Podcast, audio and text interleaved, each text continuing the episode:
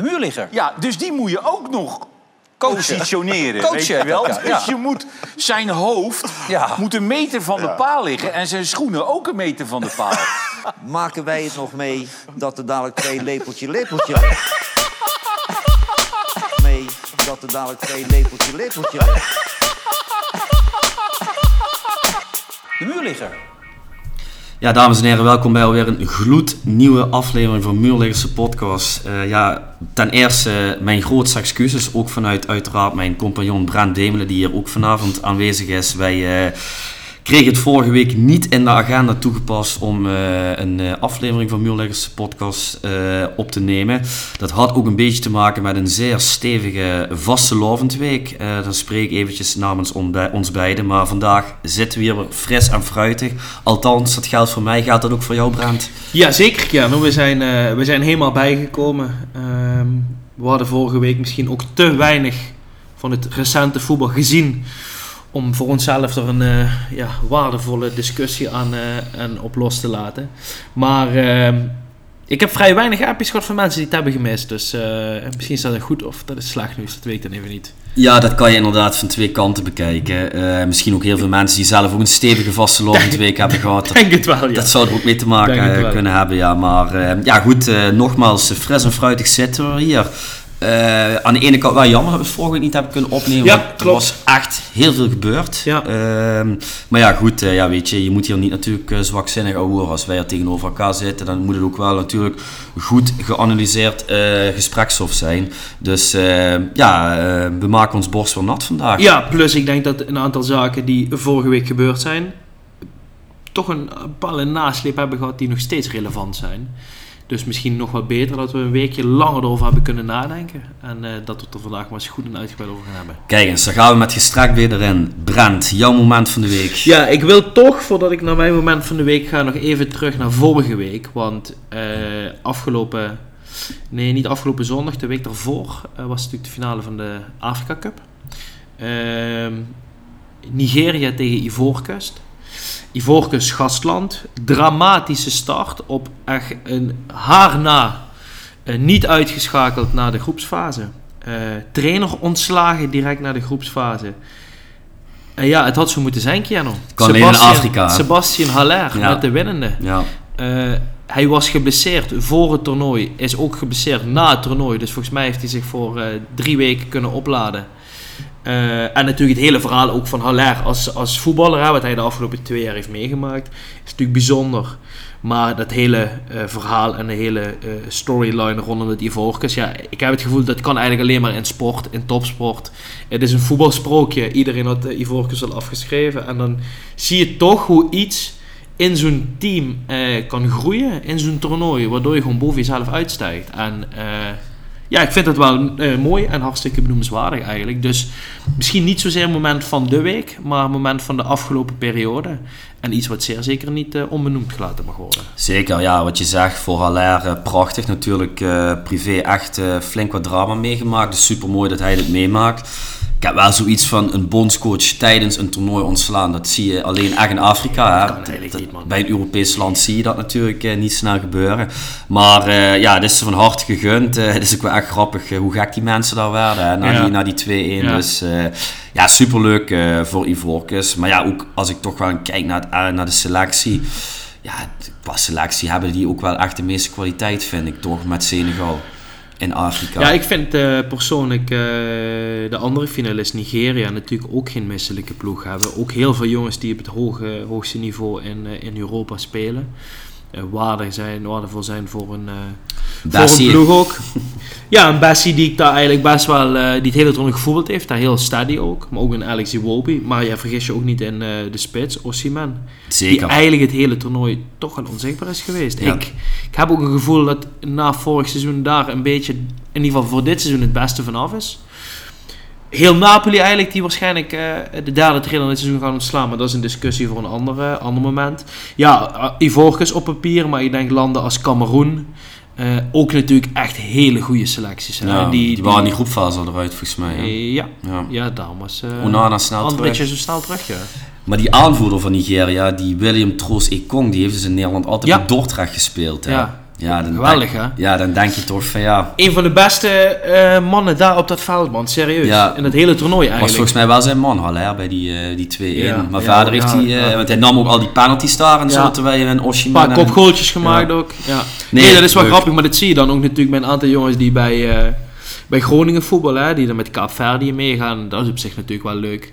Ik las wel overigens dat de Afrika Cup volgend jaar niet meer midden in het seizoen valt. Dus dat ze daar wat anders op gaan, eh, gaan verzinnen. Ja, ze hebben dat vier jaar geleden toen ook in de zomer gedaan. Eh, ja, dat is natuurlijk voor die voetballers wel fijner dat ze de club niet binnen het seizoen hoeven te verlaten. Alleen ja, dan speel je in een land wat soms een 40, Het was nu ook 45 graden 34 is. graden of zo, hè, Ja, die En dan daar in die brandende Oeh. zon. Jezus Ja. man, dan kan je toch niet voetballen.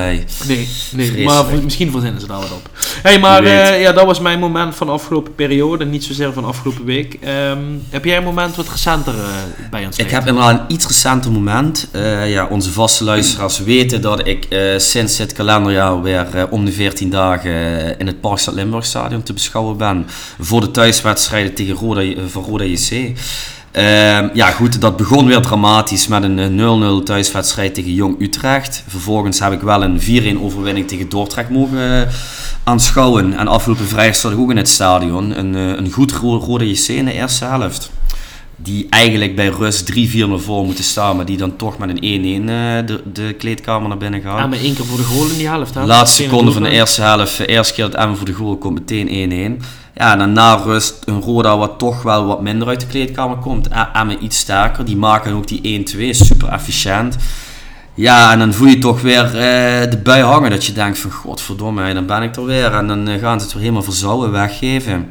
En tot de 90ste minuut had ik eigenlijk dat gevoel. En opeens, eh, ja, de jong uit uh, Bliari, Saidu Bangura, die eh, de 2-2 binnenkoopt. En wonder, wonder, wonder boven wonder, drie minuten later pakken ze die pot ook. Na een eh, geweldige goal van Teun Bijleveld. Dat was wel echt leuk, man. Je zag ook echt een bepaalde ontlading in dat stadion. Dat ze zoiets hadden van... Ja, dit kan misschien net wel eventjes eh, ja, dat extra drempeltje zijn om weer in die lekkere flow te komen. Om echt ons bij die eerste twee te nestelen. Maar goed, als je nu naar het programma kijkt, komende vrijdag natuurlijk uit naar Willem II. 8 maart ADO Den Haag thuis. Ja, dat, eh, dat wordt wel eh, heel spannend. Ik sprak met wat bestuursleden van Roda. Die, die zijn wel echt al alle voorbereidingen voor de huldiging in april klaar aan het maken. En zeggen ook van, ja Kiano, weet je, dat moeten we doen, dat moeten we nu allemaal regelen. En dat snap ik ook wel, maar ja, Ja. ze gaan er toch allemaal wel vanuit eh, dat wij wat te vieren hebben in april, mei. Ja, ik denk dat... Ja goed, dat laatste week natuurlijk niet. Hè. Dat, dat, dat hoor ik dan eh, van jou. Ik geloof dat ook wel. Ik denk ook wel dat dat moet. Hè. Voor, voor- ook het feit dat natuurlijk zo'n politiekorps niet een maand van tevoren pas kan worden bij elkaar getrommeld. Ik denk ook dat voor het eerst in jaren het erop lijkt alsof het kan gebeuren. Is het niet direct, dan is het ook een reële kans via de play-offs. Maar ehm, ja, er zit iets in die ploeg. Eh, iedere keer als je denkt, het is nu klaar, dan gaat het één wedstrijd fout en de volgende wedstrijd staan ze weer op. Was Ja. natuurlijk afgelopen vrijdag ook de dag dat Willem II en ADO tegen elkaar speelden. ADO verliest, waardoor Roda weer over ADO heen gaat. Ehm, ik moet zeggen dat de resultaten sowieso op de andere velden wel mee zaten. Want het gaatje eigenlijk naar nummer 4 is best groot. Dus Ja. ik denk wel dat die drie ploegen ja, langzaam zich wel gaan manifesteren. Of Roda moet natuurlijk nu twee weken twee weken op rij verliezen. Maar in ieder geval die drie ploegen gaan het uitmaken. Wie van de twee eh, daarvan direct gaan promoveren. Ja goed, en je kunt natuurlijk ook eh, wel langzaam wat superlatieven erop loslaten. Ook zoals afgelopen week. Dat dit dan misschien een seizoen is dat het allemaal goed valt. Zo'n bal die dan ja, per ongeluk bij Bijleveld valt. En die die, laten we zeggen, 8 van de 10 keer gewoon overvlamt. Ja, die vlamt nu achter Hoekstra. Moet wel zeggen dat die bij alle twee die doelpunten echt dramatisch uitzag. Hè?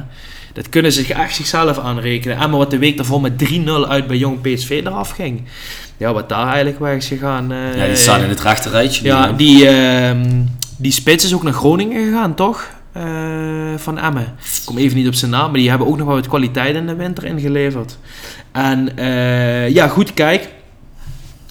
Je leest eh, van alles natuurlijk op internet. Eh Sibum die verkeerd wisselt, of de eh, selectie is niet breed genoeg. Maar het moet ook nog maar blijken of de trainer en de selectie van ADO zichzelf een beetje bij elkaar gehouden krijgt. Die hebben natuurlijk flink geïnvesteerd in de winter, maar het wil niet zeggen dat al die jongens er meteen staan. Dus ja, je moet eigenlijk daar hopen op een buitenkantje. Ik denk dat één ding zeker is. Willem II gaat eerste worden. En je moet je volledig focussen op die tweede plek. Het voelt wel ergens, dat is misschien nu al gek om te zeggen, maar het voelt wel, helemaal omdat je ziet wat er nu ja, ik wil niet zeggen per ongeluk, maar er zijn toch wat aantal jongens in de zomer gehaald waar niemand van had gedacht het gaan er worden die ons verrassen. Ik denk als het dit seizoen niet lukt, ik weet niet of volgend seizoen dan de stap makkelijker wordt. Ik Nee, denk eigenlijk, nee, nee, ik heb een beetje het gevoel, en het klinkt heel gek wat ik zeg, het is nu, ja, nooit is overdreven, maar nu of nooit. Nee, maar die van het bestuur zeiden ook, weet je, bijvoorbeeld zo'n eh, zo'n Boyd Wright, die echt een geweldig seizoen heeft en die zich echt leuk ontwikkelt, die heeft ook gezegd van ja, luister, ik wil best wel blijven, maar volgend jaar speel ik wel Eredivisie. Liefst doe ik dat hier, maar Ja. ja goed, als we niet promoveren, ja, dan ga ik weg. En hun Ja, zeiden en ook een van, ja, Didde en een Ulchik. Ja, dat, en- dat, dat en- geldt en- voor zes, zeven andere jongens. Dus je moet gewoon helemaal opnieuw beginnen als het dit jaar eh, niet lukt. En ja, goed, wat dan wel in deze ploeg zit, hè. Zo'n wedstrijd als tegen Jong AZ en Jong Utrecht, ja, dat zit er nog te veel in. Hè. En tegen die kleintjes, daar moet je gewoon die punten tegen pakken. Daar word je kampioen mee. Kijk, als je vrijdag uit bij Willem 2 ja, een puntje haalt... punt is, eh, is denk ik maximaal Dat is top, dat is top. En, dus ja, goed, eh, daar moeten ze wel echt voor waken, vind ik. Maar eh, ja, goed, het, het zit erin. En eh, zoals je zegt, het gaatje is nu wel geslagen. Ook door de neerlagen van de Graafschap en Cambuur, et cetera. Dus eh, ja, laten we hopen dat we niet volgende week hier zitten en dat we allemaal niet zien Nee, zitten. Weet je nee, wel? Dat, nee, dat mee kan natuurlijk ook. Hè. Nee, maar de komende twee weken gaan alles bepalend zijn voor dit seizoen. Als je daar echt eh, ja, vier punten weet te halen, dan wordt het wel echt serieus, man. Ja, Dan wordt het absoluut. echt serieus. Ehm, wij gaan ehm, over naar de stellingen, Ja. Goed idee, jong. Prima, daar komen ze. Stelling 1. Het is onbegrijpelijk dat de licentiecommissie de overname van Vitesse heeft afgewezen. Eens. Ik zeg, eh, ik vind een lastige stelling. Ik zeg oneens. Stelling 2. Manchester United eindigt dit seizoen in de top 4. Oneens. Ik zeg ook oneens. Oh. Stelling 3. Arno Vermeulen is een geschikte kandidaat om directeur van AZ te worden. Eh, lastig dit, maar ik ga voor oneens. Ik zeg ook oneens. Ajax is de enige, sorry, stelling 4. Ajax is de enige Nederlandse ploeg die de volgende ronde in Europa haalt. Eens. Oh, boeien, jongens, het moet niet gekker worden. Nee, ik ga eh, voor de vierde keer oneens zeggen. En tot slot, stelling 5. Het is onbegrijpelijk dat Bayern München pas na dit seizoen afscheid neemt van Thomas Tuchel. Oneens. Ik zeg eens. Zijn we het überhaupt eens? Ja, volgens mij alleen voor United. Ja, nee, en Arno. Eh, oh, oh ja, Arno ook, ja, ja. Nou, dan toch twee van de drie. Eh, laten we even beginnen bij stelling 1, eh Brent. Want dat was natuurlijk wel een onderwerp wat vorige week echt heel recent was. Het Ja. feit dat de licentiecommissie de overname van onze Amerikaanse vriend heeft afgewezen. Co- om, Co- Cody Perry? Co- Perry inderdaad, ja, Cody Perry. Ehm, ja goed, daar hadden ze allemaal eh, verschillende redenen voor. Eh, in ieder geval, jij was, bent het daar niet mee eens. Hoezo vind jij het onterecht dat ze dat afgewezen Nou, laten we vooropstellen dat ik eh, de papieren niet heb gezien en de ins en outs vaak Oh, ook niet? niet, Oh. nee, niet weet. Maar de reden voor mij om oneens te zeggen is dat ik het ja, ronduit belachelijk vind dat de KVB zes maanden nodig heeft gehad om hier uitsluitsel over te geven. En ehm, ja, je speelt natuurlijk... Hoe Vitesse in deze situatie is beland, is maar één iemand schuld en dat is Vitesse. Laten we dat voorop stellen. Maar je hebt het hier over het voorbestaan van een volksclub. Iets waar heel veel mensen in de regio mee gemoeid zijn. We hebben het ook niet over RBC Roosendaal of eh, Almere City wat dan ook. We hebben het gewoon over Vitesse. Ehm, ja, met een groot stadion. Gewoon een serieuze voetbalclub in Nederland. eh, met een flinke historie aan, aan voetballerstalenten, trainers ma- enzovoort enzovoort. Ja, ik vind het dan eigenlijk wel gek dat je een club zo lang in onzekerheid laat om vervolgens het toch af te keuren. Ik denk dat had eerder gekund. En eh, als je de verhalen vanuit Vitesse hoort, ja goed, die zullen altijd natuurlijk zijn van onbegrijpelijk, maar het leek, leek wel erop alsof Vitesse alles op alles had staan en gezet om dit gewoon ja, in goede papieren te leiden. Ja, het is een externe investeerder. Er wordt dan gezegd, de reden is dat men niet aan kan tonen dat hij überhaupt dit vermogen heeft. Hè? Dus zijn bedrijf heeft blijkbaar geen eigen vermogen. Ja, dat klinkt natuurlijk een beetje als loesje praktijken. Maar ja, het is niet dat die man geen geld heeft, snap je?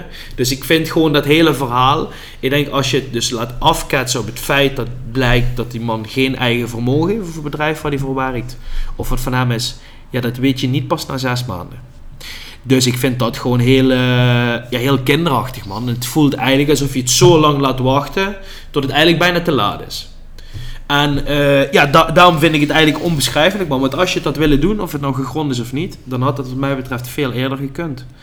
En dat is eigenlijk de reden waarom ik het ermee eh, on, nee, bent, sorry. Ja, jij, jij was het ermee eens. Ik was het inderdaad ermee oneens. Eh, ik vond het wel echt een lastige stelling trouwens. Ehm, ja goed, kijk, eh, jouw betoog, eh, tuurlijk, dat kan ik me. De gang van zaken van KNVB, eh, schandalig. Ik vind misschien een ander punt betreft deze stelling misschien iets interessanter. Kijk, je moet, iedere club moet je hetzelfde natuurlijk eh, behandelen met dit soort zaken. Dat is natuurlijk wel zo. Alleen Vitesse heeft op dit gebied wel echt een verleden opgebouwd. Met eerst meer op Jordania, daarna verschillende Russen binnengehaald die de club eh, geleid hebben. Ja goed, dat waren min of meer ook allemaal loesje praktijken. En de KNVB heeft eigenlijk toch altijd een beetje dat door de vingers gezien. Vind jij dat ze Vitesse nog altijd eh, gelijk moeten behandelen ten opzichte van iedere andere club in Nederland? Of heb je wel zoiets van, ja Vitesse, jullie hebben je krediet wel verspeeld. Jullie moeten niet meer met een of andere buitenlandse naam komen die we allemaal niet kennen. Want eh, jullie, ja, je hebt eigenlijk gezien in wat voor ellende je terechtkomt. Want dit speelt eigenlijk nu al een jaar of 15. Dus ja, is eigenlijk hoe jij ook je betoog begon. Vitesse is natuurlijk zelf schuld geweest. 100 procent. Ik snap wel dat ze Ja. afgewezen hebben. Het is alleen, ja, moet je daar Ja. zes maanden over Ja. doen? Dat is natuurlijk eh, te belachelijk voor woorden. Nee, ja, klopt. Kijk, die, eh, die man is eigenaar van Patro IJzen. Ehm, in België heb je veel clubs op dit niveau. Volgens mij is het derde niveau in België. Vierde niveau zelfs. vierde, ja, eh, die echt serieus vermogen hebben. Ehm, waar ook volgens mij wel wat andere eh, gelden in omgaan. Ehm, dus ja, eh, het is niet dat er echt een grote investeerderpartij die twee of drie andere clubs het de hoogste niveaus in Europa heeft. Ja, ik ben het er dus ergens ook mee eens dat het voor Vitesse misschien beter is dat er een Nederlandse investeerder komt of een andere constructie. Maar dat, daar gaat de KNVB niet over. We hebben namelijk nu het voorbestaan van de club. En dat, dat vind ik, ja, daar kun je A, geen rekening mee houden, want voor iedereen gelden dezelfde regels. Maar B, kan dat wel misschien in zo'n proces worden meegenomen. Want eh, de vraag is nog maar, als dat, ah, ze geven dan aan, er is een plan B. Dus er is voor Vitesse een plan B. Want ze hadden er rekening mee gehouden dat deze kans er bestond. Ik weet ook even niet, volgens mij gaan ze nog een hoger beroep. Ehm, maar het kan zomaar te zijn. Nou ja, goed, het is eh, ja, wonder boven wonder. Het is niet normaal, maar eh, één keer in het kwartaal heb ik altijd een, eh, een afspraak vanuit mijn werk met een vertegenwoordiger, een jongen uit Arnhem, zwaar Vitesse-fan. En toevallig had ik vanochtend ook een afspraak na drie maanden met hem. Ja, dat is 10 minuten over werk gegaan. Daarna hebben we even 25 minuten over de situatie van Vitesse gehad. Ja, hun in Arnhem maken zich dus echt totaal geen zorgen over het voorbestaan van de club. Oké, Eh, interessant. ze zeggen van, eh, gisteren is er schijnbaar ook nog een groepje ja, miljonairs binnen Arnhem, Arnhem met tien zijn ze dan bij elkaar gekomen. Die er sowieso klaar voor staan, mocht de club omvallen, dat hun sowieso die club gaan redden. Mhm. Enige waar ze natuurlijk wel eh, zich heel veel zorgen over maken, is natuurlijk de sportieve situatie van Vitesse. Ja. Die na het 1-1 gelijkspel afgelopen weekend tegen Volendam in eigen stadion natuurlijk wel echt penibel uitziet. Je ziet eigenlijk al die onderste ploegen, die pakken allemaal punten, behalve Volendam en Vitesse. Ja goed, eh, ik heb de samenvatting gezien. Eh, volgens mij hebben ze drie keer de lat geraakt en twee keer de paal. Eh, ze waren tien keer beter, maar ja, in de laatste minuut kunnen ze ook nog bijna verliezen. Ja, het is op dat gebied is het wel eh, ja, nog echt wel 1 voor 12 eh, voor Vitesse. En ja, dat is natuurlijk niet alleen bestuurlijk, maar ook sportief. Ik heb, we hebben hun zoiets van hun voetballen best wel leuk. Dat is best wel gek om te zien. En die hebben best ook wel leuke spelers. We hadden het net voor de podcast er even over dat ze nu een rechtsbuiten van eh Patro Ja. binnen hebben gehaald. Wat echt een hele goede voetballer is. En dan denk je toch met een Davy Prupper, een Marco van Ginkel, Eloy Room op goal. Ja, dat moet toch eigenlijk wel goed komen. Er zijn nog 12 wedstrijden. Maar ja, ze moeten natuurlijk wel iemand hebben die die ballen voor in erin schiet. Want anders wordt het natuurlijk lastig om eh, wedstrijden te Ja, het winnen. voelt bijna als een eh, onontkoombare situatie helemaal. Omdat het gewoon, en dan kom je weer bij het zoveelste ja, eh, voetbalcliché. eh, als het tegen zit, zit het ook echt allemaal tegen. En dat zie je natuurlijk afgelopen eh, zondag. Ja, er was maar één ploeg die voor de punten speelde. Overigens wel echt op een dramatisch veld, hè? Ja, op dat veld ook. Hè. Jezus maar ja, dat is dus ook, want Maar ze goed. kunnen dat veld dus kunnen ze dus uit het stadion. eh, nee, dat gaat niet meer. Die, mo die motoren hebben ze verkocht. Oh ja, ik had begrepen dat kost 10.000 keer, Ja, 10.000 ja. euro per keer. Ja, en dat gaat. dat laatste, was dat eerst een grapje. Oh, oké. Maar, ehm, nee, ja, dat... eh, Ja, kijk, want daarboven staan is RKC, Excelsior, Heracles, Fortuna. Heerenveen, Almere, ja, dat zijn toch ploegen die om de twee, drie wedstrijden altijd hun puntjes pakken. En voor Volendam en Vitesse kan je dat gewoon niet zeggen. Dus Nee, ja, dus ik, denk- ik denk eerlijk gezegd dat het misschien voor Vitesse wel het beste is als er een soort doorstart komt. Dan heb ik het meer over van, ja, misschien is degraderen dan een situatie die zo had moeten gebeuren. Net zoals het bij Groningen en bij Roda eh, en bij Twente, hè, waar ook heel veel bestuurlijke onregelheden waren, is gebeurd. Maar dan wel een doorstart kunnen maken daarna. Vanuit een stabiel beleid met een Nederlandse investeerder, misschien wel investeerders vanuit de regio. Ja, misschien, misschien moet dat dan maar. Dat je zoals Roda wel echt helemaal op nul begint. Ja, Roda heeft, Roda heeft het eigenlijk in, nadat ze gedegradeerd waren, heel vaak nog heel fout gedaan. Ja. En die zijn misschien de, af, nou, laten we zeggen, de afgelopen drie jaar aan het bouwen aan waar ze nu naartoe willen. Voor de eerste keer zwarte cijfers dit jaar geschreven. Dat bedoel ik. Er Ja. worden hè, weer wat spelers verkocht, komt door de jeugd wat door, krijgt een kans. Ja, het, het voelt gewoon als een club die, die weer een beetje op een normale Gezond manier is. wordt, wordt gerund. En bij Vitesse kun je het natuurlijk al jaren niet zeggen. En ik denk dat zij nu de gevolgen ervaren van de stap die ze toen met eh, Jordania. Jordania eigenlijk hebben ingezet. Ja, ja, helemaal mee eens. Ja, goed. dus eh, eh, ja, dat, we gaan het volgen man. Ik, ik hoop in ieder geval voor het Nederlands voetbal dat, dat Vitesse gewoon blijft bestaan. Die mening deel ik. We houden het in de gaten. Eh, ja, stelling 2, Brand. Eh, een stelling die jij erin hebt gezet. Eh, ik had daarom het idee dat jij misschien verwacht dat United dit jaar nog in de top 4 gaat komen. Maar je was het oneens met de stelling. De stelling is: Manchester United eindigt dit seizoen in de top 4.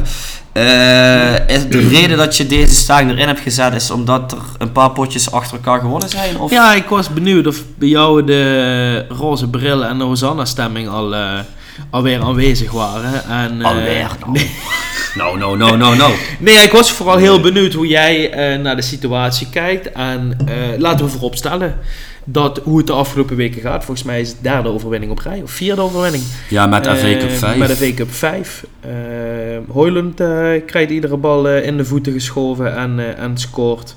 En eh, ja, Spurs is weer een beetje aan het sukkelen. Eh, ja, weer. Dat is eigenlijk wat ze altijd doen. Maar, eh, dus het lijkt er wel op. Aston Villa is punten verspelen. Dus er is een reële kans dat de mogelijkheid er weer bestaat. Ik denk meer dan, nou, laten we zeggen, twee maanden geleden. Dus dat was voor mij een reden om nog eens te peilen hoe jij eh, naar de situatie kijkt. Ik ben je heel eerlijk. Ik denk van de afgelopen vijf potjes mag je blij zijn dat je er niet nog drie verloren hebt. En met name wat ik afgelopen zondag Tegen Luton? tegen Luton heb gezien. Jezus Christus. Ja, ik dat vond... je die pot wint is knap, maar dat Luton daar niet nog met 3-2 eh, eh, het veld afstapt, vind ik op zich ook nog wel knapper. Want eh, ja, je begint geweldig. Ja, die, die 1-0, dat staat natuurlijk nergens op. Maar goed, je moet hem afmaken, dat gebeurt. En bij 2-0 denk je, dat wordt dadelijk 3, dat wordt 4, dat wordt 5. En toch sluipt er dan iets in die ploeg. Ik app, eh nou ja, na zes minuten stonden ze 2-0 voor, dus ik app Nick, een, eh, een vriend van ons, ook een United-fan, supporter. Eh, Nou, die, zich United fan. nee, ik zo van Nick, ik denk dat wij de eerste wedstrijd dit jaar gaan meemaken dat we eens rustig achterover kunnen zitten. ja, helaas was dat niet het geval. Kijk, zeker eh Luton, fa- fa- fase in de tweede helft waren ze beter, eh, hebben ze ook kansen gehad. Maar ik vond ook wel dat United vooral in de omschakeling echt heel veel momenten had dat ze echt de wedstrijd in het slot konden gooien. Ja. En dat ze het heel slecht uitspeelden. Dus ik vond afgelopen zondag vond ik het al met al toch nog wel, ondanks dat je het zelf echt onnodig moeilijk maakt, vond ik wel een terechte overwinning. Kijk, tegen Aston Villa kan je hem ook verliezen. Tegen Wolverhampton geef je in de laatste vijf minuten nog een 3 voorsprong weg. Ja, leuk dat je dan de laatste minuut nog die 4-3 maakt, maar dat kan ook alle, alle andere kanten op. Dus het elftal is gewoon nog super instabiel. En ik zie Aston Villa en Tottenham zie ik toch wel als een stuk eh, een stabieler elftal, man. Dus ik zie ze echt niet meer vierde worden. Nee, maar heb je dan wel, eh, want dat lees je dan, hè? eh, iets wat we hier vaak hebben besproken, iets wat ik mis. Ik mis een bepaalde spelopvatting, een bepaalde spelidentiteit. Heb je het gevoel dat nu vijf weken of vijf wedstrijden op rij de goede kant op valt, dat je die implementatie steeds meer ziet? Of is het dan toch nog te houtje touwtje en valt het misschien eens vijf wedstrijden rij de goede kant op? Meer de tweede. Ik zie wel dat spelers meer vertrouwen hebben. Eh, een, een Huilen bijvoorbeeld, een Garnacho op rechts. Terwijl we het hele seizoen op rechts een probleem hebben. Garnacho is er nu eens een keer gepositioneerd, die doet het goed daar. Eh, dat zie ik wel, maar nee, ja, qua eh, ja, spelfilosofie zie ik toch wel dat ze vooral dat reactievoetbal willen spelen. Dan zijn ze ook het sterkst om, maar als ze echt zelf het spel moeten maken, ja, dat is toch nog wel altijd moeizaam hoor. Ik vind, het, ik vind het nog steeds knap, want voor mijn gevoel had Den Haag, en daar ben ik echt oprecht serieus, dit seizoen misschien al twee keer ontslagen kunnen zijn. Maar het is ongelooflijk het, hoeveel slechte wedstrijden United punten haalt. En dat is eigenlijk ook knap. Want eigenlijk, als je vooral gaat kijken naar de statistieken, en ja, die tellen niet in het voetbal, hè, want het eindresultaat telt. Maar het feit dat jij, eh, wat is het, eh, wat heb ik gelezen, 2,4 eh, eh, expected goals tegen laat. Bij, tegen Luton. Dus dat je jezelf in zo'n penibele situatie brengt dat een tegenstander zoveel kan scoren. Ja, dan denk ik dat is natuurlijk geen fundament om door te bouwen. En toch is het dan knap dat je zo'n wedstrijd over de lijn weet te trekken. Eh, Dat zeg ik misschien ook al over het niveau eh, van Luton. Maar van de andere kant, bij Villa lukt dat. Bij Wolves lukt dat. Ehm, dus ja... Ze hebben pas twee wedstrijden dit seizoen gehad dat ze met meer dan één doelpunt verschil gewonnen hebben. Ja. Dus ja, het is altijd 2-1, Ja. 3-2, 4-3, 1-0. Ja, de- je zit gewoon nooit rustig op de bank en naar Ja, maar te de, maar de vraag is eigenlijk van, hè, eh, er gebeurt achter de schermen nu veel. Ik denk in potentie dat er eh, op papier heel veel positieve dingen aan het gebeuren Op zijn. papier hè. wel, ja. Eh, eh, volgens mij is vandaag officieel geworden dat Sir Jim Radcliffe die 25% krijgt van de club en de aandelen. Ik heb ook gelezen dat eh, de sportingdirecteur of directeur voetbal van Newcastle, ja goed, dat is nog niet rond, maar die gaat komen. En dan algemeen directeur van City. Ja. Dus eh, hoe dat valt en of dat meteen binnen het seizoen gebeurt niet. Maar eindelijk gebeurt dat waarschijnlijk wat jij en ik al jaren denken. Ehm, er moet iemand komen boven in die, die, die top van United die voetbalverstand heeft en die lijnen uit gaat zetten. Alleen, ik zeg je wel heel eerlijk, ik blijf erbij. Ik weet niet of Erik ten Hag de trainer is voor dat project. Ik heb een beetje het gevoel, en het klinkt gek, want het is natuurlijk waar United al nou, zes trainers in zit. Ik heb een beetje het Unai Emery gevoel, wat ik had bij Arsenal toen Wenger net stopte. Zo van, hij, die won ook op een gegeven moment, of die was ook 20 wedstrijden op rij ongeslagen. Maar het was gewoon niet de trainer voor het, volgende niveau. En eigenlijk pas vanaf het aanstellen van Arteta. Wat ook met zich meebracht dat aan de top heel veel veranderde. Toen zag je dat pas. En mijn vraag is eigenlijk meer dan ook indirect naar jou. Denk je dat het Den Haag met een betere bovenlaag wel goed genoeg is voor de Premier League om United in ieder geval... Ja goed, uiteindelijk moeten ze gewoon meer prijzen gaan winnen. En niet alleen maar eh, de V-Cup of de Carabao Cup, snap je? We hebben het dan gewoon over de Premier League en de Champions League en dat soort... eh, ja, dat is wel waar je naartoe wil. Maar ja. eh, ja, dat acht ik niet reëel binnen nu en vijf jaar. Nee, oké, maar is hij wel de trainer om ze daar naartoe te brengen, hè? Ik denk dat hij het in zich heeft. En kijk, ehm, dat is eh, waar we het ook vaker over hebben gehad. Of het nou Vitesse, Roda of Manchester United is. Als het bestuurlijk niet goed zit, dan ga je het ook op het veld merken. Dat is op ieder niveau gewoon zo. En bij United is het al jaren. Weet je, Ferguson deed alles binnen die club. Eh, sinds dat hij weg is gegaan, hebben ze dat vanaf 2013, dus nu al 11 jaar geleden, nooit kunnen oplossen. Ehm, ik vind het knap dat Ten Hag vorig jaar derde is geworden met die selectie en met zoveel onrust. Dit jaar, inderdaad, heeft hij vaak om een zijden draadje gehangen. En iedere keer als ik dacht van ja, nu is het klaar, dan wonnen ze opeens dan toch weer een wedstrijd waarvan je dacht van "Huh, hoe kan dat nou opeens? Dus daarom zit hij er nog. Ja, je staat inderdaad om een reële positie dat je nog Champions League zou kunnen halen. Maar als jij volgend jaar, eh, volgend seizoen, als hij er nog zit, eh, geen progressie in het veldspel ziet en niet dichter tegen die top aankomt, dan denk ik toch dat ze voor iemand anders gaan kijken, man. Dan zou dit misschien, dan zou Ten Hag misschien toch een brandjesplusser zijn geweest. En eh, niet meer dan dat. Kijk, en vergeet niet bij Ajax, eh, dat eerste jaar toen die kwam, was ook echt een drama. Het was echt een drama. Toen verloren ze nog uit bij PSV, toen PSV kampioen werd. En jaar daarna gingen ze samen met die directie die transferwindow doen. En ze haalden de halve finale van de Champions League, weet je. Dus het kan... Heel snel kan het omdraaien, die voetballerij. En of het nou reëel is of niet, het, het kan wel. En ik gun hem die kans best wel. En ik denk ook dat hij het in zich heeft. Maar ja, goed, weet je, als hij volgend jaar niet presteert en het wordt weer zo'n seizoen als dit, dan, eh, ja, dan houdt het op, ben ik bang. Dus je zou het niet een reële beslissing vinden, of in ieder geval een heel gedurfde beslissing nemen als er in de zomer wordt gezegd er staat nu een nieuw technisch hart bovenaf en wij denken dat een andere kandidaat geschikter is om die driehoek te versterken. Ja, dat zou- Onge- ongeacht dat hij dan anderhalf leuk seizoen heeft gehad. Dan zou ik een je naam moeten weten. Nee, oké. Maar stel dat zou gebeuren. Jij, jij ziet dus nog, nou laat ik hem anders stellen, jij ziet nog genoeg potentie in Ten Hag en in de trainer en in zijn tactische kunnen om dat, die rol te kunnen vervullen. Ja, dat wel. Omdat ik echt ervan overtuigd ben dat hij nu eigenlijk te veel shit moet doen eh, waar hij niet voor aangesteld is. Ja. Dat, dat is mijn overtuiging daarin. Ik denk dat hij zich eigenlijk alleen puur met die selectie en training bezig hoeft te houden. Ja, dat hij ook het beste uit zichzelf kan halen. En ik denk dat al die randzaken daaromheen, wat dan, omdat, die club, omdat het gewoon echt onrustig binnen die club is, ja, dat dat niet ten goede komt van de coach Erik ten Hag. maar zijn er jongens beter geworden onder Erik ten Hag? Eh, Ik ja, heb namelijk vorig jaar of dit jaar? Nou ja, je zou moeten zeggen, vorig jaar zijn ze niet heel veel beter kunnen Ja, worden. Want, ze, want ze, zijn nu, ze zijn nu eh, 36 maanden of eh, eh, vier, bijna 24 maanden bezig, bij wijze van. Dus je zou eigenlijk misschien nu meer progressie moeten Ja, zien. kijk, dus ja, Ra- Ra- Rashford, hè, Hij heeft vorig jaar eigenlijk zijn beste jaar uit zijn leven onder hem gehad. klopt. Maar zijn die jongens beter geworden? Want als die beter zijn geworden, hè, dan had je dat nu nog gezien. Ik heb namelijk niet het gevoel dat er nu iemand rondloopt bij United. Met Tommy. Nee, goed, het is misschien ook zeg maar, wel heel erg extreem dat, dat die jongen je topscorer is. Hè? Ja. Dat zegt misschien ook wel veel over de status. Nee, maar zijn er echt jongens beter Ja, geworden? ik Snap je wat ik bedoel? een Garnacho en een Menu, die ontwikkelen zich wel echt goed onder Ten Hag. En die, Ten Hag heeft ze ook de kans gegeven om, er, om ze erop te zetten. Dus ja, die jonge jongens wel. Maar ja, kijk, eh, ja, een Maguire die zou nooit beter worden. En Johnny Evans die zou nooit beter worden. Varane is niet beter geworden. Wan-Bissaka is niet beter geworden. Luke Shaw, ik lees net, die ligt er ook weer twee, drie maanden uit. Eh, ja. Ja, weet je, ja, dat, dat zit natuurlijk allemaal niet mee. Nee, dat soort jongens zijn allemaal niet beter geworden. Maar om te zeggen dat niemand beter is geworden, kijk, Heulund die begint nu toch wel leuk te ontwikkelen. Ja, Fernandes, die blijven vergelijken met het eerste seizoen, maar misschien moet ook maar accepteren, die heeft dat seizoen echt boven zichzelf uitgestoken. En naar dat niveau gaat hij ook niet meer evenaren. Ja, en ik denk Casemiro, Eriksen, eh, ja, dat is ook wel een beetje klaar, denk ik. Dat soort kaliber spelers. Dat, niet denk ik, dat weet ik wel zeker. Dat Ja. Casemiro klaar zit, die nog op het veld stond. Na de eerste helft was het natuurlijk ook een... eh, die werden er weer rust gewisseld. Die- Nee, sorry, ik bedoel dat die überhaupt, dat jullie nog met 11 man op het veld stonden, zo moet ik het zeggen. Dat was natuurlijk ook wel eh, benoemenswaardig. Ja, terwijl hij het vorig jaar nog echt goed heeft gedaan. Maar dit jaar wordt hij echt Ja. overal voorbij gelopen. Ja, ja, misschien met 34 eh, of 33, wat is het misschien ook wel langzaam Misschien logisch, wel, toch? Ja. Hey, maar als je dan... ja, je hebt dus top 3 Liverpool, City, Arsenal.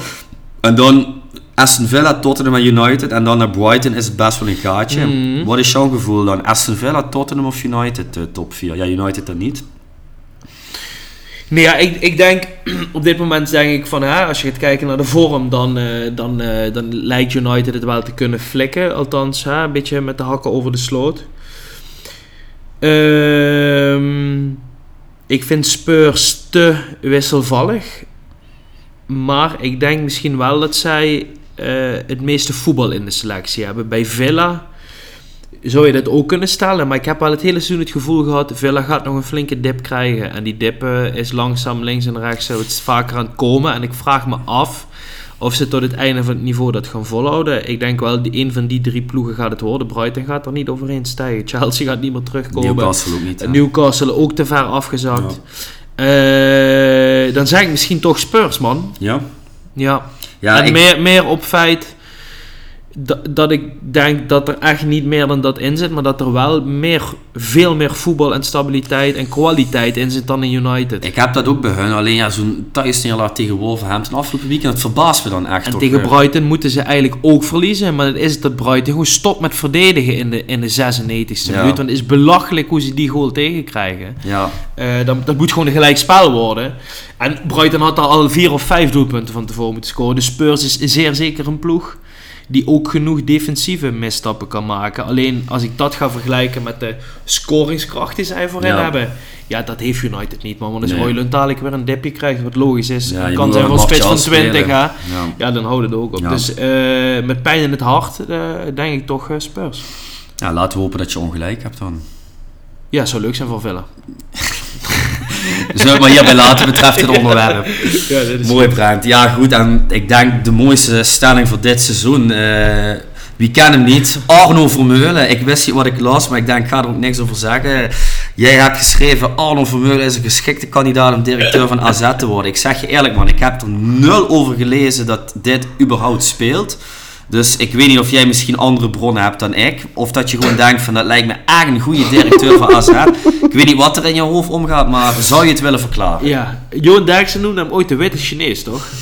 Ja, dat klopt. Ja, nou ja, het was eh, afgelopen week bij Voetbalpraat.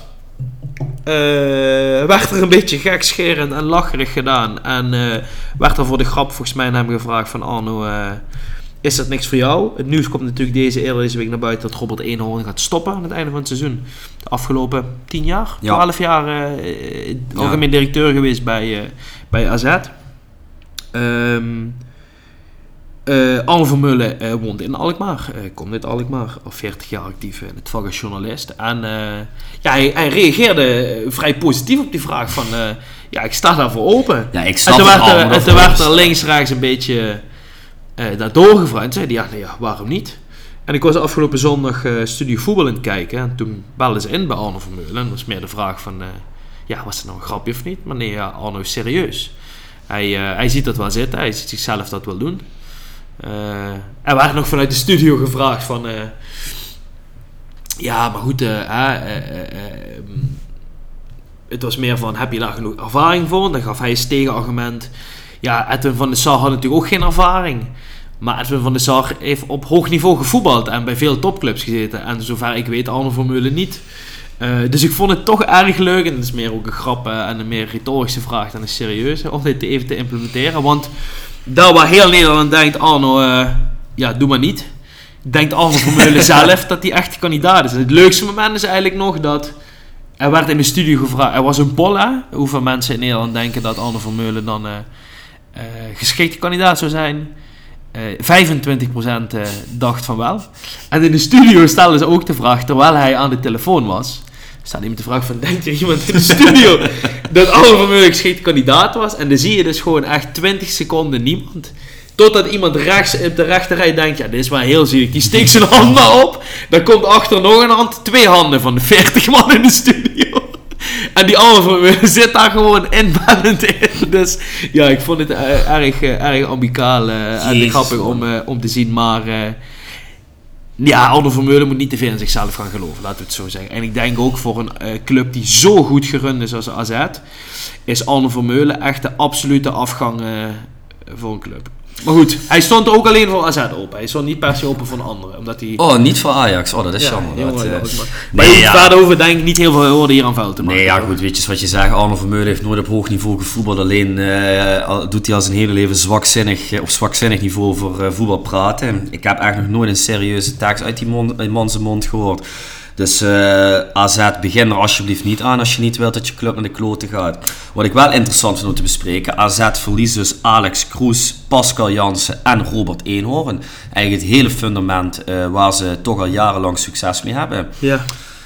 ook wel een, eh, een pittige transferzomer wat er bij AZ dan gaat komen. Zowel op het veld als naast het veld. Niet? Ja, ik, ehm, ik heb het gevoel dat dat eh, twee kanten op kan gaan. Eh, en het klinkt heel gek wat ik zeg, maar dit kan zomaar eens heel fout gaan. Ik denk dat dat in gaat storten. ja.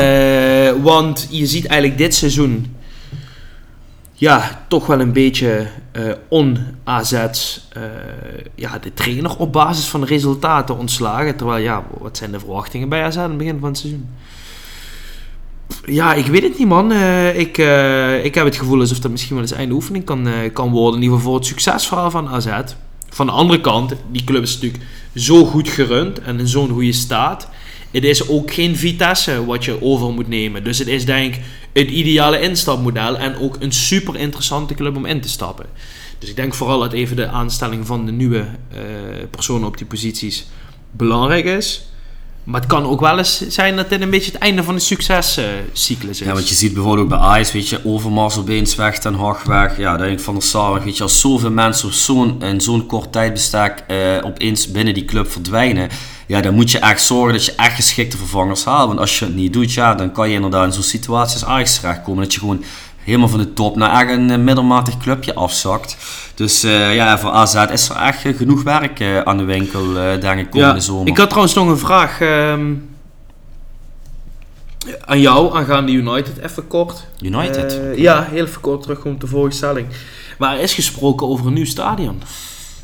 Is misschien wel erg drastisch, hè? Misschien was focussen eerst op de, Mee eens. op de, eh, hoe zeg je dat? Eh, op, su- op het op veld, en dat soort dingen. Ja, ja, ja. Is het, heb je niet een idee van, misschien zijn we met de verkeerde gedachten begonnen? Of is dat, Ja, nee, is het, ja. wil hij extra geld United halen? Nou, Of, ja. Nee, is ja, het een goed. red flag? Of? Eh, er- er er wordt groot gedacht, laten we het zo zeggen. Maar eh, ik Jij denk, wil het grootste stadion van Engeland, hè? Dat klopt. Eh, ja goed, dat stadion is wel op bepaalde punten wel erg vervangen toen. Het is natuurlijk wel echt heel oud daar allemaal. Maar dus er moet wel iets vervangen worden. Maar om het nou meteen uit te breiden, laten we alsjeblieft bij het begin beginnen. En Ja, eh, gewoon eventjes Ja. naar de sportieve dingen Ja. kijken. En daarna komt dat allemaal wel. Ja. Ja. Hey, eh, nu we het toch over AZ hebben. ehm, wil je toch, en het is niet misselijk bedoeld, maar toch nog een kort uitstapje maken naar, naar Ajax? Want daar hebben we natuurlijk... Nou, ik dacht, het kon we bij stelling 4 koppelen.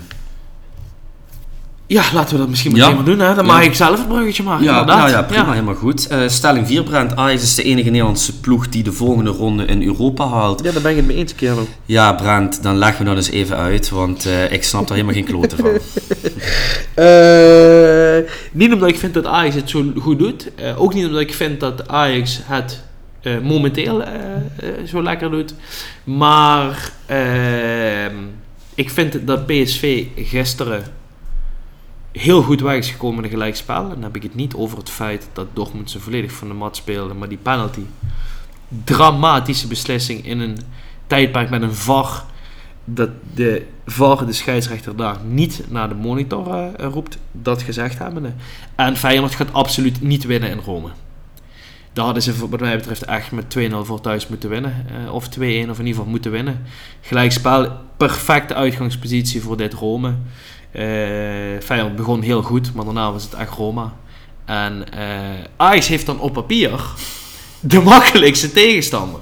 En ik denk dat Ajax ehm, ook heel goed weg is gekomen met een 2-2 gelijkspel. Daar was het 2-0 eh, thuis achter stonden. Maar wel alsnog in ieder geval een uit, geen uitzichtloze ja, afreis richting Beude in Noorwegen. Ehm, nee, goed, dus dat is, dat is de reden eigenlijk. eh, Maar wat is zo'n aanknopingspunt dat dit Ajax in Noorwegen kan winnen? Ja, omdat ik denk dat Ajax vooral de goals cadeau heeft gegeven aan Bodo Glimt en niet zozeer ja, overklast is. Vooral eh, eigen nalatigheid. Dus als het, eh, als het wel ergens op lijkt, ja, moet je en kun je gewoon winnen van deze tegenstander. Dat is eigenlijk wat ik bedoel te zeggen. Ja goed, ik moet mezelf wel even rectificeren, want de laatste podcast eh, heb ik gezegd dat eh, ik een bepaalde progressie bij Ajax in het veldspel zag. Ik heb dat met je gedeeld, Ken. Nee, We hebben namelijk nog gedroomd over de derde plek. Ja. We, jij hebt gedroomd over de nou, derde jij droomde ook een beetje van. maar- Nee, ik zag een Ajax tegen PSV thuis in de arena, waarvan ik de eerste keer zoiets had van zo, het mes tussen de tanden. Deze ploeg wil echt nog iets van die tweede seizoenshelft maken en alle ellende wat ze eigenlijk de afgelopen anderhalf jaar zich daar af heeft gespeeld, dat willen, ze- willen ze van zich afvoetballen. Sinds ik dat gezegd heb, 3-2 uit in Friesland bij Heerenveen verloren. Een schandalige vertoning thuis tegen Beudou Glimt eh, in Amsterdam. Waar je met de schrik vrijkomt dat die gasten op 8 december eh, de laatste competitiewedstrijd hebben- gespeeld. Die konden de laatste 15 minuten konden ze conditioneel niet meer aan. Waardoor Ajax die 2-0 achterstand nog goed kon maken tot een 2-2 gelijk spel. Afgelopen weekend, oké, laatste minuut incasseerde gelijk maken tegen NEC, maar die wedstrijd die moet je eigenlijk gewoon verliezen. Ja, dit Ajax is in mijn ogen weer terug bij af waar ze in eh, november stonden. Ja. Dus ehm, Ik- ik, ik eh, denk morgen dat echt een blamage wordt in Ja. Noorwegen. Ik heb totaal geen vertrouwen in Ik heb dan eigenlijk meteen, ehm, meteen een vraag erover. Want jij was de eerste maanden vrij optimistisch. Helemaal toen we de stellingen eh, in de podcast opperden dat eh, Pascal Jansen de ideale nieuwe Ajax-trainer is. Gaf jij eigenlijk wel aan van... Nee, John van het Schip mag... eh, Sorry, ik kreeg kramp. Oh, dat is niet erg, kan gebeuren. John van het Schip mag misschien wel eh, gewoon lekker Ja. aanblijven. Nu bleek ook dat Pascal Jansen afgelopen zomer gevraagd is, besproken. Dus hebben dat toch, ja, wij hebben Ja, dat voetbalinzicht ja, dan ja, toch, ja, herkennen. ja, ja. Min dat ik ook wel degene was die de stelling inbracht. Ik Maar, kan me niet herinneren, man. nee, maar even, even alle gekken op een stokje. Begint dat gevoel misschien langzaam te ja, verdwijnen dat John van het Schip ja, misschien niet kwalitatief sterk genoeg is om hier van te maken? Of is voor jou de situatie zo dat het alleen maar heeft bevestigd dat deze selectie zo dramatisch slecht is dat eigenlijk geen enkele trainer hier soep van kan maken? ja, echt dat tweede. Ja? Ja, echt dat tweede. Ik, ik vind deze selectie kwalitatief zo belabberd dat ik echt denk dat geen enkele trainer een voetballer uit deze selectie beter kan maken dan wat ze nu laten zien. Maar heeft John van het Schip dan wel genoeg kwaliteiten om met de juiste versterkingen wel een Ajax-waardig elftal te kunnen trainen? Want ik ben dus nooit zo onder de indruk geweest Nee, maar kijk, ehm, misschien kan ik me wel vinden in je analyse dat John van het Schip meer een eh, brandjesblusser is Ja. dan echt een Ja. toptrainer voor Ajax. Dat is zeker waar. Alleen vind ik zowel John van het Schip als Pascal Jansen vind ik beide geen ideale trainer van Ajax. Nee, dat Ajax. Dus ja, dan heb ik zoiets van ja, moet je John van het Schip dan niet eh, aan laten blijven om Pascal Jansen aan te trekken? Kijk, als je echt iemand kan aantrekken die één of twee keer eh, ja, beter is of capabeler is voor de functie, dan ben ik het helemaal met je eens. Maar ik heb wel het gevoel, eh, als ik van Schip de laatste anderhalve week naar de media toe zie hoe die zich uit, dat hij wel binnenskamers te horen heeft gekregen dat het na dit seizoen stopt. Want hij wordt echt een stuk harder opeens voor die spelers. Ook net in de persconferentie voor de wedstrijd van morgen tegen Beudou Glimt eh, had hij dan, eh, zei hij over Marta, dat het geen eh, liefdadigheidinstelling bij Ajax is, maar dat er, het gewoon een profclub is. En dat we daar niet aan doen. En als mensen geen zin hebben om zich voor Ajax 100% in te zetten, dan kunnen ze lekker thuis blijven. Ja, weet je, de John van het Schip die we de afgelopen maanden in de media zagen, was toch heel beschermend naar zijn spelers toe. Jonge Warme jongens, deken, ja, ja, hebben ja, veel shit over zich heen gekregen, dit, dat. En nu was hij echt keihard. Dus ik heb het idee dat het binnenskamers wel medegedeeld aan hem is geworden dat het eh, na dit seizoen wel echt stopt voor Johnny. Of denk je dat hij denkt, nou, de lieve aanpak hebben we gehad. Werkt niet.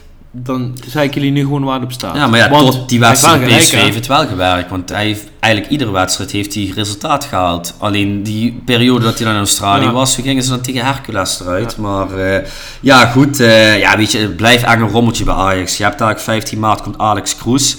Eh, ja, goed. je hebt Michael Verpraag nu en Louis van Gaal binnen de club. Jan van Hals gaat dan weg. Dus je hoopt dat dat allemaal bestuurlijk een beetje in orde is. En ik neem aan dat dat genoeg voetbalverstand bij elkaar is om een juiste trainer Ja. voor komend seizoen aan te trekken.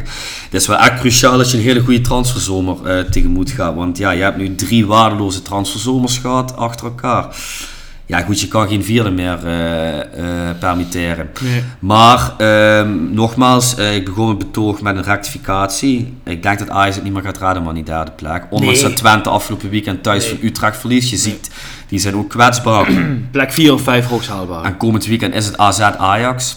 Dus dat wordt natuurlijk wel... ja, AZ wint afgelopen weekend na wekenlang puntverlies in de laatste minuut uit bij Fortuna. De vraag is, zijn ze daar nu overheen of Ik niet? denk wel dat Ajax... Ja, n-. Is het Ajax thuis? Nee, AZ thuis. AZ thuis is wel altijd gebrand tegen Ajax. Hè. Kijk, en als Ajax morgen natuurlijk een flinke domper krijgt, dat ze Europees uitgeschakeld zijn tegen een ploeg die al twee maanden lang waar de competitie stil ligt, vergeet dat niet erbij te vermelden. Ja. Ja, dan is alles vertrouwen daar natuurlijk ook eh, helemaal weg. Ja, ik zie het niet gebeuren. Ik zie Ajax gewoon... eh, maakt niet uit hoe.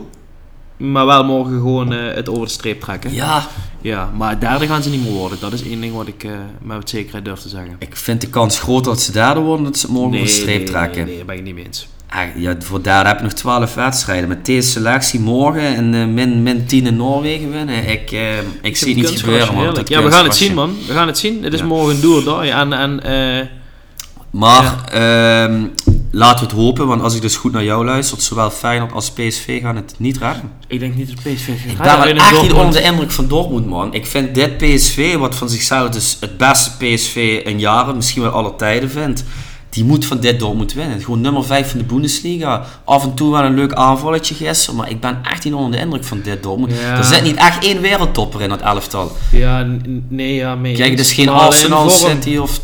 Nee, dit is de subtop van Europa. Ja, dit- Daar ben ik met je eens. Dit is niet de, dit is niet de top van Europa. Als- Dus ja, op papier, als je het wil, moet je... Maar ik ben dus de laatste weken helemaal niet zo onder de indruk van PSV.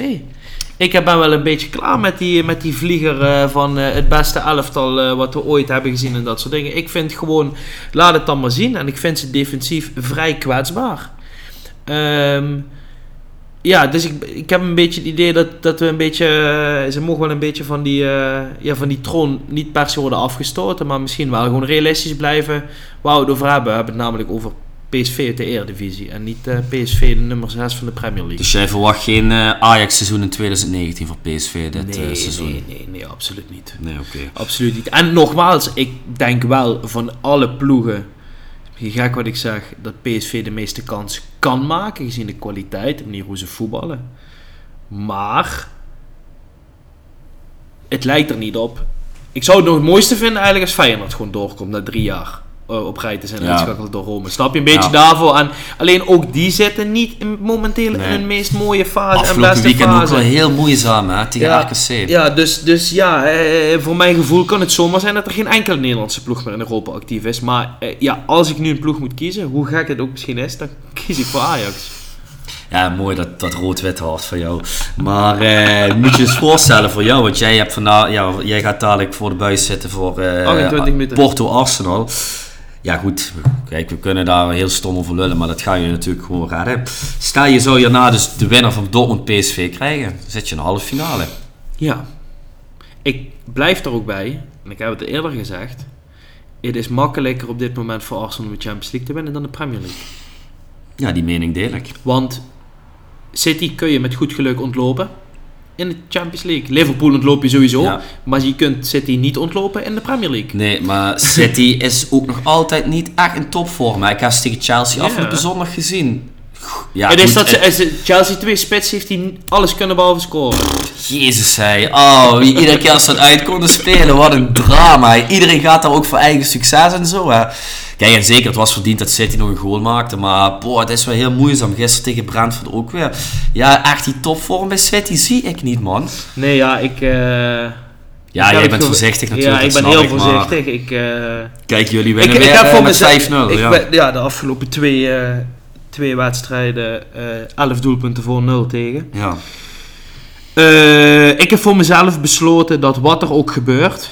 ehm, en het is misschien eh, alles behalve een eh, topclub gedachte. Maar ik haal zoveel plezier uit het feit dat Arsenal zo goed is. Eh, ja, dat misschien niet uitmaakt of er wel of geen prijs dit seizoen aan verbonden is. Omdat En dat meen je wat je nu zegt. dat meen ik wat ik zeg. Waarom? Omdat ik, eh, net zoals jij je dat heel goed kan voorstellen, eh, twaalf jaar geleden in aanraking kwam met die club. Toen ging het nog enigszins goed.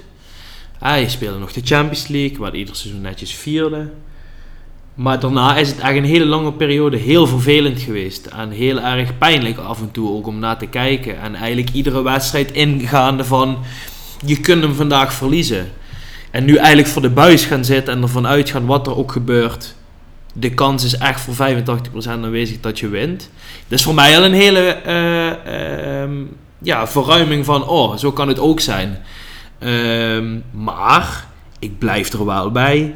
Dat geldt niet voor altijd. Er moet wel binnen nu, en laten we zeggen twee seizoenen, echt een serieuze prijs tegenover komen te Maar dit gevoel wat je nu beschrijft, dat had je vorig jaar niet, toch? Toen jullie er eigenlijk nog weggaven. Nee, want dan voelt het eigenlijk weer van, oh ja, same old, same old, weet je wel. Het, het net niet verhaal weer. Het seizoen ervoor natuurlijk ook, hè. Weer net niet op het einde van het seizoen de top 4 halen. Ja, ja, ja. ja. Maar nu, ik heb gewoon het gevoel, waarom, waarom zouden ze niet de Champions League kunnen winnen? Waarom zouden ze niet kampioen kunnen worden? Je bent goed genoeg. Snap je? En dat, die gedachte, ja, dat is oprecht, dat meen ik oprecht, dat is voor mij zo'n verademing. Eh, en zo fijn om weer op die manier eh, naar het voetbal te kunnen kijken. Ja, voor mij is dat eigenlijk voor het eerst, want ik heb al die succesjaren ervoor helaas niet mogen meemaken actief als supporter.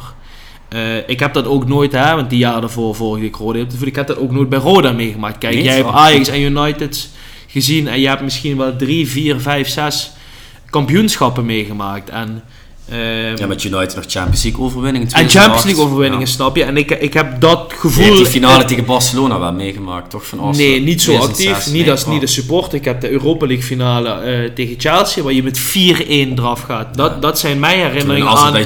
Ja. Snap je? En het klinkt misschien gek wat ik zeg, maar voor een voetbalfanaat als ik zelf ben, is het eigenlijk gek dat je ja, dat gevoel nooit hebt mogen ervaren. Hoe het is om kampioen te worden, om de beste te zijn. Ehm, en daarom vind ik het echt super vet om gewoon, hè, eh, en het, dit, ja, nogmaals, is misschien niet de goede gedachte, maar dat je gewoon, ja, ik heb gewoon, eh, vooral die wedstrijd tegen West Ham, ja, dan lach je gewoon kapot hoe goed je eigenlijk bent. Snap je wat ik bedoel? Ik zat gewoon lachen op de bank van, eigenlijk kan dit niet. 0-6. Snap je? En, en iedere bal vloog erin. En ja, West Ham was heel slecht. En ja, Burnley is heel slecht. Maar ik heb in ieder geval het gevoel, om, om, het, om het wat dat betreft af te sluiten, dat er op het juiste moment gepiekt wordt nu. Er komen nu ook steeds meer spelers terug. Daar waar je vorig seizoen in deze fase belangrijke spelers gaat verliezen. Dus ja, ik, ik ben wel positiever dan vorig seizoen. Ook met de kennis van het vorig seizoen. Vorig seizoen was het allemaal nieuw. En was het, wow, spectaculair, wat gebeurt hier? En Mhm. zou het, en zou het. En nu heb je het gevoel dat het langzaam een beetje, stapje voor Ja. stapje, hij wordt, wordt opgebouwd. Alleen, ja, je hebt wel even twee grootmachten voor je. Ja, ik denk wel dat jullie het beste voetbal op dit moment spelen, man. Van die andere Ja, dat twee. denk ik ook. Dus Denk ja, ik ook, man. die andere twee die zullen echt denk ik nog wel een stapje bij moeten zetten om dit vol te houden. Ja, maar goed, dus dat is, eh, ja, dat gezegd hebben, denk ik, eh, dat is positiviteit en voor mij persoonlijk een leuke ontwikkeling. Maar, ja goed, dit ga je niet voor altijd blijven roepen. Je moet op een gegeven moment gewoon Ja, een ja. Premier League of een Champions League tegenover staan, man. En ja, ik weet niet of je het met me eens bent, maar de, het fundament en de selectie die er nu staat en alles wat er in potentie bij kan komen, ja, is echt gewoon in staat om, eh, om de beste ploeg van Engeland te zijn. Ja, Misschien wel van Europa.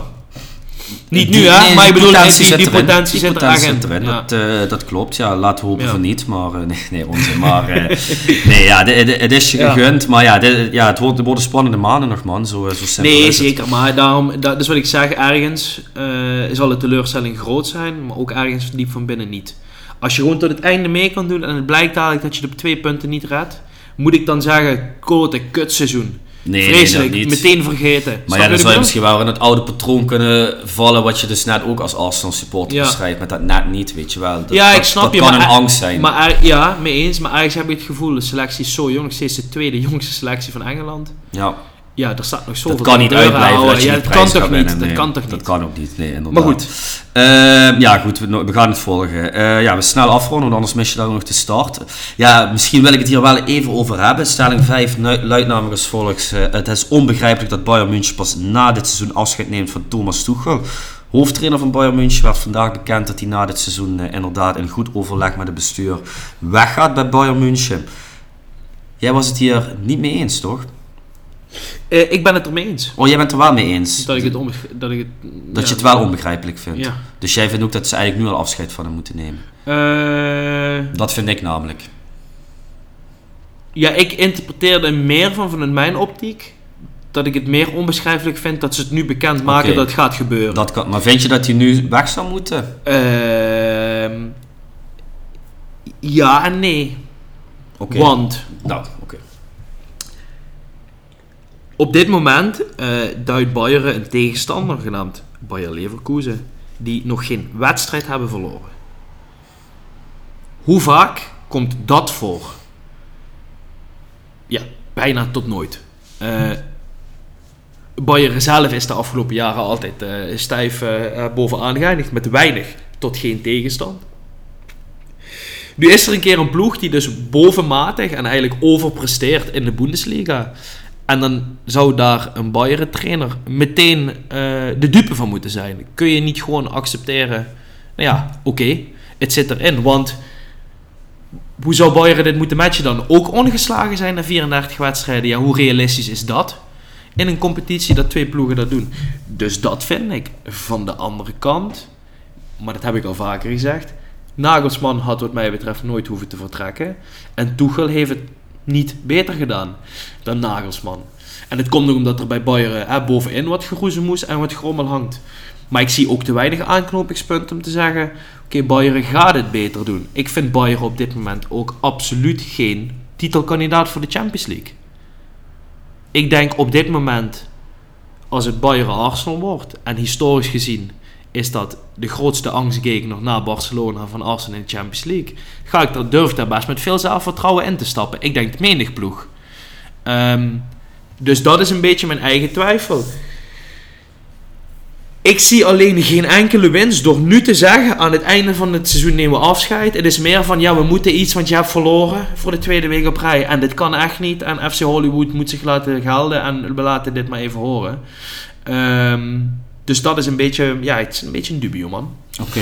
Ja goed, mocht de podcast vorige week door zijn gegaan. ehm, ik had vorige week uh, Bayer Leverkusen, Bayern München gekeken. Ja. Ehm, Bayern München geen kans gehad. Leverkusen stond vooral eh, organisatorisch echt mega sterk. Het was niet Ja. dat hun de een naar de andere Nee. kans creëerden, maar stonden gewoon echt goed. Eh 3-0 uiteindelijk, nog met een goal van Frimpong op het einde. Ja, dik verdiende overwinning. Daar maakte Leverkusen dus een klein gaatje richting Bayern München. Vervolgens hebben ze een paar dagen later die Champions League wedstrijd tegen Lazio gehad. Was met 1-0 in Italië verliezen. En afgelopen weekend verliezen ze dus weer uit bij Bochum, wat gewoon Tweede keer dit seizoen, hè. ja, tweede keer dit seizoen. Ja, goed. eh, je leest ook wel echt dat veel topspelers, waaronder Matthijs de Ligt, echt een gruwelijke hekel aan Tuchel hebben. Ja, sterker nog, Joshua Kimmich, de aanvoerder van Bayern, kan dus niet door een deur met Tuchel. Ja, kijk, en ik denk als je dat soort spelers niet voor je weet te winnen, die niet meer door, door het vuur gaan voor jou als trainer, zeker in een fase waarin je nu beland bent, dat je eigenlijk, ja, eigenlijk iedere wedstrijd moet winnen, wil je nog kampioen worden.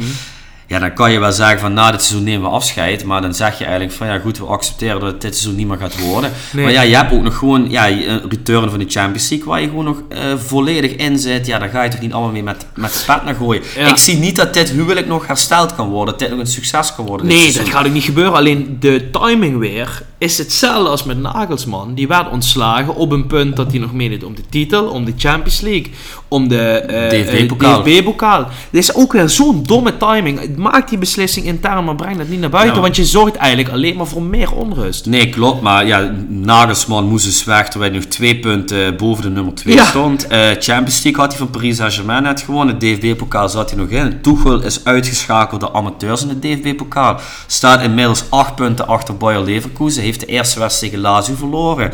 Ligt met de spelers in de clinch. Ja, hoezo laat je die man dan nog aan het roer? Want ik denk echt van ja, dit kan alleen maar meer ellende worden. Want als ze nu nog twee potjes verliest, gaan ze toch nu nog afscheid van hem nemen. Nu kan je het nog voorkomen. Ik denk als je hem nu nog ontslaat, dat dat nog iets teweeg kan brengen in die groep. Ik denk echt dat dat je beste hoop is als Bayern München. Ja, is. nee, ja, me- mee eens man. Wat dat betreft zou ik zeggen, het kan nu ook geen kwaad. Alleen, ik denk dat de conclusie ook is... Ja, wie? Ik heb me kapot gelachen, ik las deze week de naam van Solskjaer voorbij komen. Dat zag ik ook, ja. ja, goed, doe dat vooral, zou ik zeggen. Hansi Flick zou kunnen. Ja, ja, die zou kunnen, ja. Succestrainer wel Ja. bij, eh, bij, ehm, bij Bayern. Ja, dus... Klopt. ehm, Aan het einde van het seizoen. ja, zou hij dat doen? Ik denk het wel. Ja, hij heeft vast sabbatical gezegd, hè. Zei Ron Jans ook, ja. Ja, ja dat nee, maar eh, dat zou wel een match zijn. Ja, ja, ja, ja, goed. Ik ben wel benieuwd, man. Want. eh, Maar denk je niet, hè? Even serieus. Noem mij een andere reden waarom ze het bekend zouden maken nu dan. ja, ik denk om wat rust naar de buitenwereld te creëren. Ja, dat gaat niet komen. nee, dat gaat dat niet dat komen. doe je juist niet, denk ik. Nee, Dat maar dit is dat een- hoeft- Dat hoeft Bayern. Ja, dat, Ja, maar kijk naar de beslissingen van de bestuur van Bayern München de Nee, afgelopen twee jaar. Ja, Ja, dat zou best wel een straatje kunnen passen. Ja, Wat, is jouw eh, analyse dan? Nee, ja, mijn analyse is eh, dat ik het echt geweldig grappig ga vinden. Dat hebben we ook al vaker gezegd.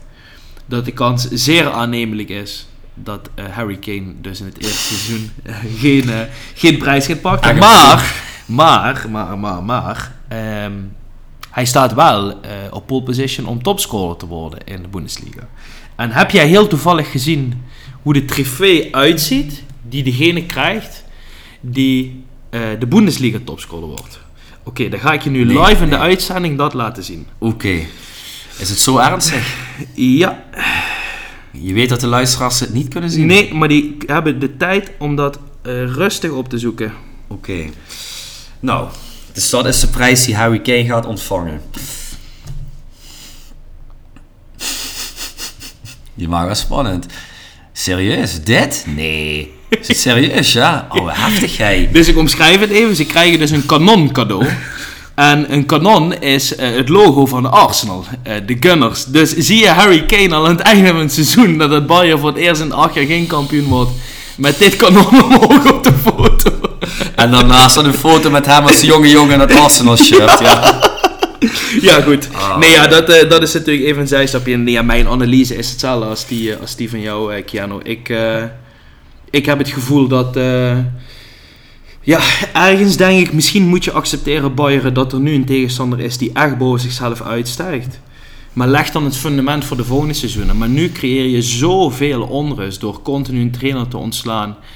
Ja, het, ik, mag het eens een keer na acht seizoenen? Of, of ben ik dan echt met de verkeerde gedachten... Liverpool 1-0 achter tegen Luton Town trouwens. nou, maar, positief. eh, ehm, ja, nee, ja, goed. Ja, goed, je hebt jezelf gewoon die ellende aangedaan door Nagelsman te ontslaan. En sindsdien is het alleen maar erger geworden.